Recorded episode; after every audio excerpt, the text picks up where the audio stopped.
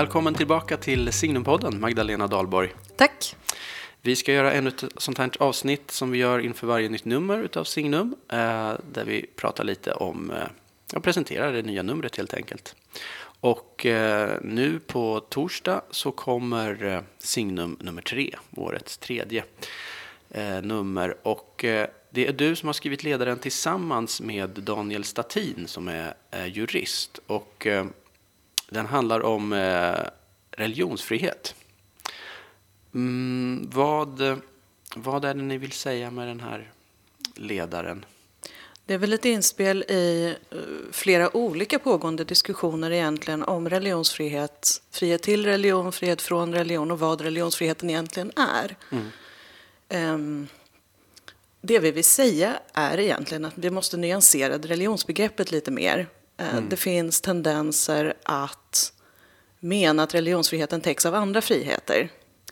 Och vår huvudtes är väl att nej, religionen går liksom djupare i vad människan är och söker i livet. Så det handlar inte om att få uttrycka sig fritt, det handlar inte bara om att få organisera sig fritt, det handlar inte bara om att få tycka vad man vill, eftersom religion inte handlar om åsikter. Nej, just det. För, att, precis, för då tänker man att det täcks av yttrandefriheten och föreningsfrihet och så vidare. Men det här går djupare då.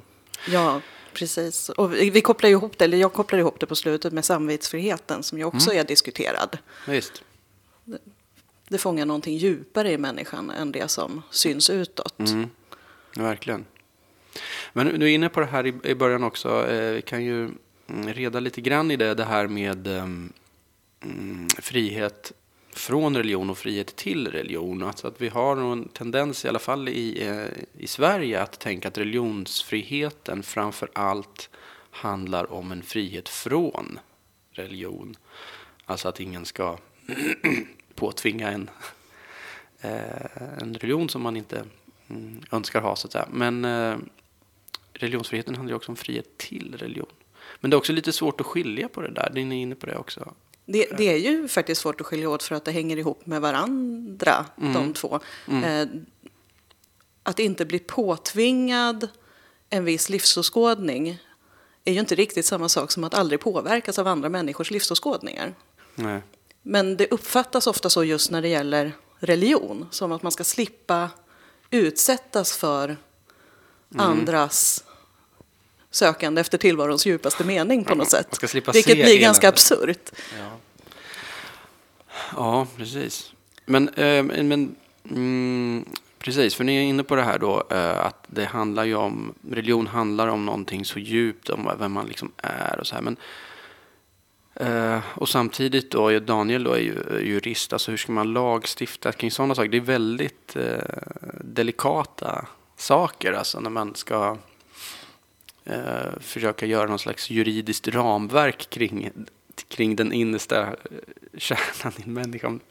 Så det är svårt. Det blir jättesvårt. Mm. Och, och det blir svårt därför att det handlar om definitioner också. Så om vi tar till exempel barns rel- religionsfrihet Mm. så är det självklart att barn inte ska påtvingas att hela livet följa någonting som de inte själva tror på, så att säga. Nej. Men samtidigt måste man som förälder få delge sina barn det man, vad man anser vara ett gott samhälle. Ja, och det som man anser vara det högsta goda i livet på något sätt. Och Ja. är man då religiös så, så inbegriper ju det, det religionen såklart. Eh, Ja. Det skulle ju vara eh, närmast att, att liksom göra barnen eh, illa då utifrån förälderns perspektiv. Att inte ge vidare det som man anser vara det, det högsta och det godaste. Ja, och inte ge tillhörighet till en gemenskap Ja, som man själv uppfattar som god och riktig. Och som man är en naturlig del av Ja. kanske. Mm. Precis. Eh, Så det är ju, det, det blir ju svårt därför att det blir principer som krockar Mm. med varandra och det blir definitioner som krockar med varandra. Mm. Men det där med, med att eh, uppfostra barn, det går ju, det går ju ut över religion. För att det, skulle, det blir liksom absurt om man säger att eh, då skulle föräldrar inte få delge sina barn några värden överhuvudtaget. Vilket ju är fullkomligt omöjligt. Ja, är Det är klart omöjligt. att man delar med sig av sina värden. Ja, det skulle ju vara he- helt förfärligt också att uppfostra barn på det sättet. Eh, som, som, det är ju så det är. Men, men då, precis, men det blir en svår gränsdragning. Vart går liksom att man tvingar på barnen en religionsuppfattning. Liksom. Ja, precis. Och det blir svårt att, att eh, så här, lagstifta kring. Uh, och det är väl därför det är så viktigt att lagstifta om frihet i, i frågan. Så att, mm, säga. Mm. Att, att säga att det, här ska inte staten begränsa mer än vad som är absolut nödvändigt med hänsyn till den allmänna ordningen i samhället. Men också där blir det ju mm. Definitionsproblematik. Vad, vad, är det att eh, inskränka andras friheter för mycket genom att välja att gå i vissa kläder eller att avstå mm. vissa kläder eller vad, vad det nu kan handla om. Just. Det finns ju också i, i, i, i svensk kontext det här att, att religion är liksom en privatsak också. Att, att det, det liksom hör till den privata sfären och det ska hållas borta från samhället. Och så här. Vad, vad, skriver ni någonting om det där och, och hur, hur förhåller sig det där till religionsfrihet? Ja, alltså religionen påverkar ju samtidigt hur man förhåller sig till samhället. Mm. Vad man anser vara ett gott samhälle. Och jag tror inte att vi vill ha ett samhälle där människor inte ska få eh, uttrycka vad de anser vara det goda i samhället. Nej. Och arbeta för det. Vilket innebär att religionsfriheten eh, måste vara öppen för också att ens livsåskådning faktiskt spelar roll även till exempel i det politiska livet. Mm. Att man kan göra också, tänker jag, för, för, men, för där tycker jag det finns, har skett en utveckling senare år. Om man går tillbaka kanske bara 10-15 år så, så tycker tycker jag att det var i stort sett omöjligt att i offentligheten i, mm, föra ett resonemang, låt säga ett politiskt resonemang utifrån en religiös ståndpunkt eller utifrån en religiös föreställning eller så.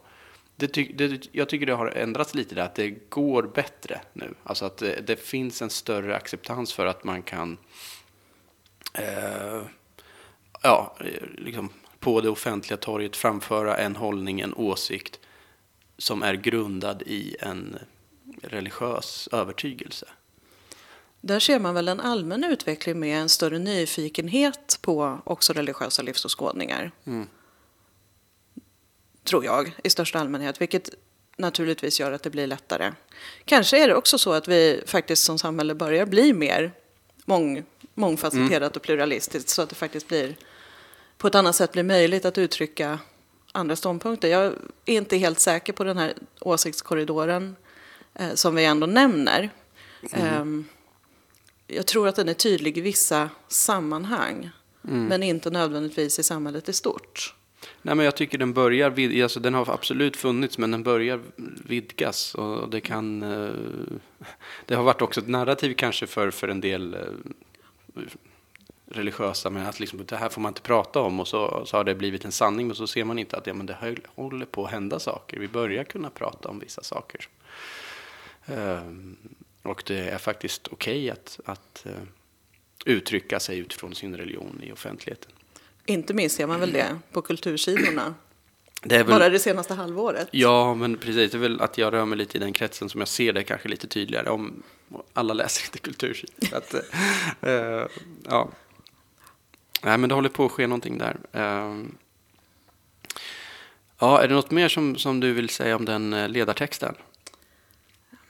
Jag tycker den avslutar den ganska, det är en bra eh, avslutning här som sammanfattar det ganska bra tycker jag.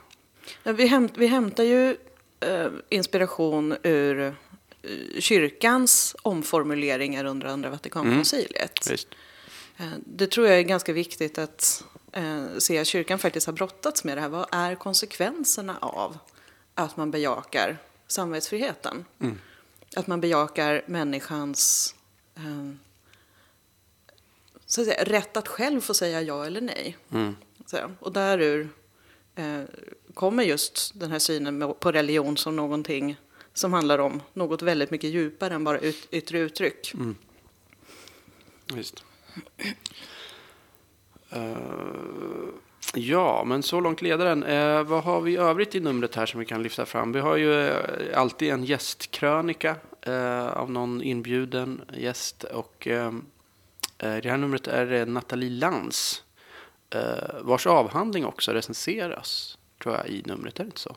Ja, precis. Eh, Så hon är lite dubbelt aktuell i det här numret kan man säga. Hon är dubbelt aktuell. Det, Mm. det är väldigt roligt att vi fick den recensionen lagom till hennes krönika. Får man Mm. säga. Krönikan tycker jag väldigt mycket om. Ja, den med. handlar om det outtalbara Alef. Precis, första bokstaven då i hebreiska alfabetet som, som eh, inte får vara med där i skapelseberättelsen också. Det. Ja, nej, den är fin. Eh, Hon, hon är väldigt eh, liksom, kunnig och, och eh, liksom, duktig akademiker, men hon är väldigt, eh, eh, liksom, skrev väldigt levande som fin skribent också. Mm. Eh, ja, vad har vi något i övrigt som vi bör lyfta fram? Vi har ju två intervjuer med kardinaler. Dels kardinal Czerny Mm. som leder dikasteriet för en fullödig mänsklig utveckling. Som eh, var här i samband med ett symposium om socialläran i höstas. Och då intervjuades av George Joseph på Caritas. Och denna intervjun presenteras eh, då här. Eh, man tar upp bland annat migration och vad fullödig mänsklig utveckling egentligen är. Han har lite om ekologiska frågor och så- sådär också. Ja, det ingår ju i... Så Påve Franciscus är ju väldigt tydlig med att de här frågorna med ekonomisk utsatthet, migration, klimat, allting hänger ihop. Ja. Eh, sen har vi också en intervju med kardinal Tagle som eh, leder dikasteriet för mission och evangelisation. Och eh, det hänger ihop med ett helt litet block alldeles på slutet av huvudartiklarna med mycket Kina, Vietnam och Indien. Där vi ju då också har en artikel av Leopold Leb som talar om de olika utvecklingarna för kyrkan i Kina och Vietnam. Man hade kunnat tro kanske att det skulle vara en ganska likartad utveckling men han visar att det ser väldigt olika ut. Just det. Eh, intervjun med kardinal Tagle handlar ju då om, mest om det här överenskommelsen mellan Vatikanen och Kina för att säkra apostolisk succession. Det är ju ett avtal det. som har blivit väldigt kritiserat. Mm. Eh, Och sen har Heinz Werner Wessler, som ju sitter i redaktionen, skrivit om eh, Indien och Kina, där Indien håller på att gå om Kina i befolkningsmängd. det. Mm. Och han talar också om då utvecklingen för just religionsfrihet i Indien, som inte är positiv. Heinz är ju eh, indolog kan vi säga, så han kan ju Indien väldigt bra. Precis. Eh, annars så har vi en eh, väldigt fin betraktelse om liknelsen om fadern och de båda sönerna. Just inte det, den inte bara den ena sonen. Nej, exakt. Det är ju det där är precis som Barbara Kristin har skrivit. Nej, precis. Man glömmer lätt bort eh, eh, en av sönerna. Den som stannar hemma brukar man ju liksom glömma bort lite grann. Han, han brukar komma i skymundan mer än att han är tjurig på slutet. Så Ja. att säga. Men Barbara lyfter fram att han faktiskt är minst lika viktig. Kanske inte minst för att många av oss borde identifiera oss med honom.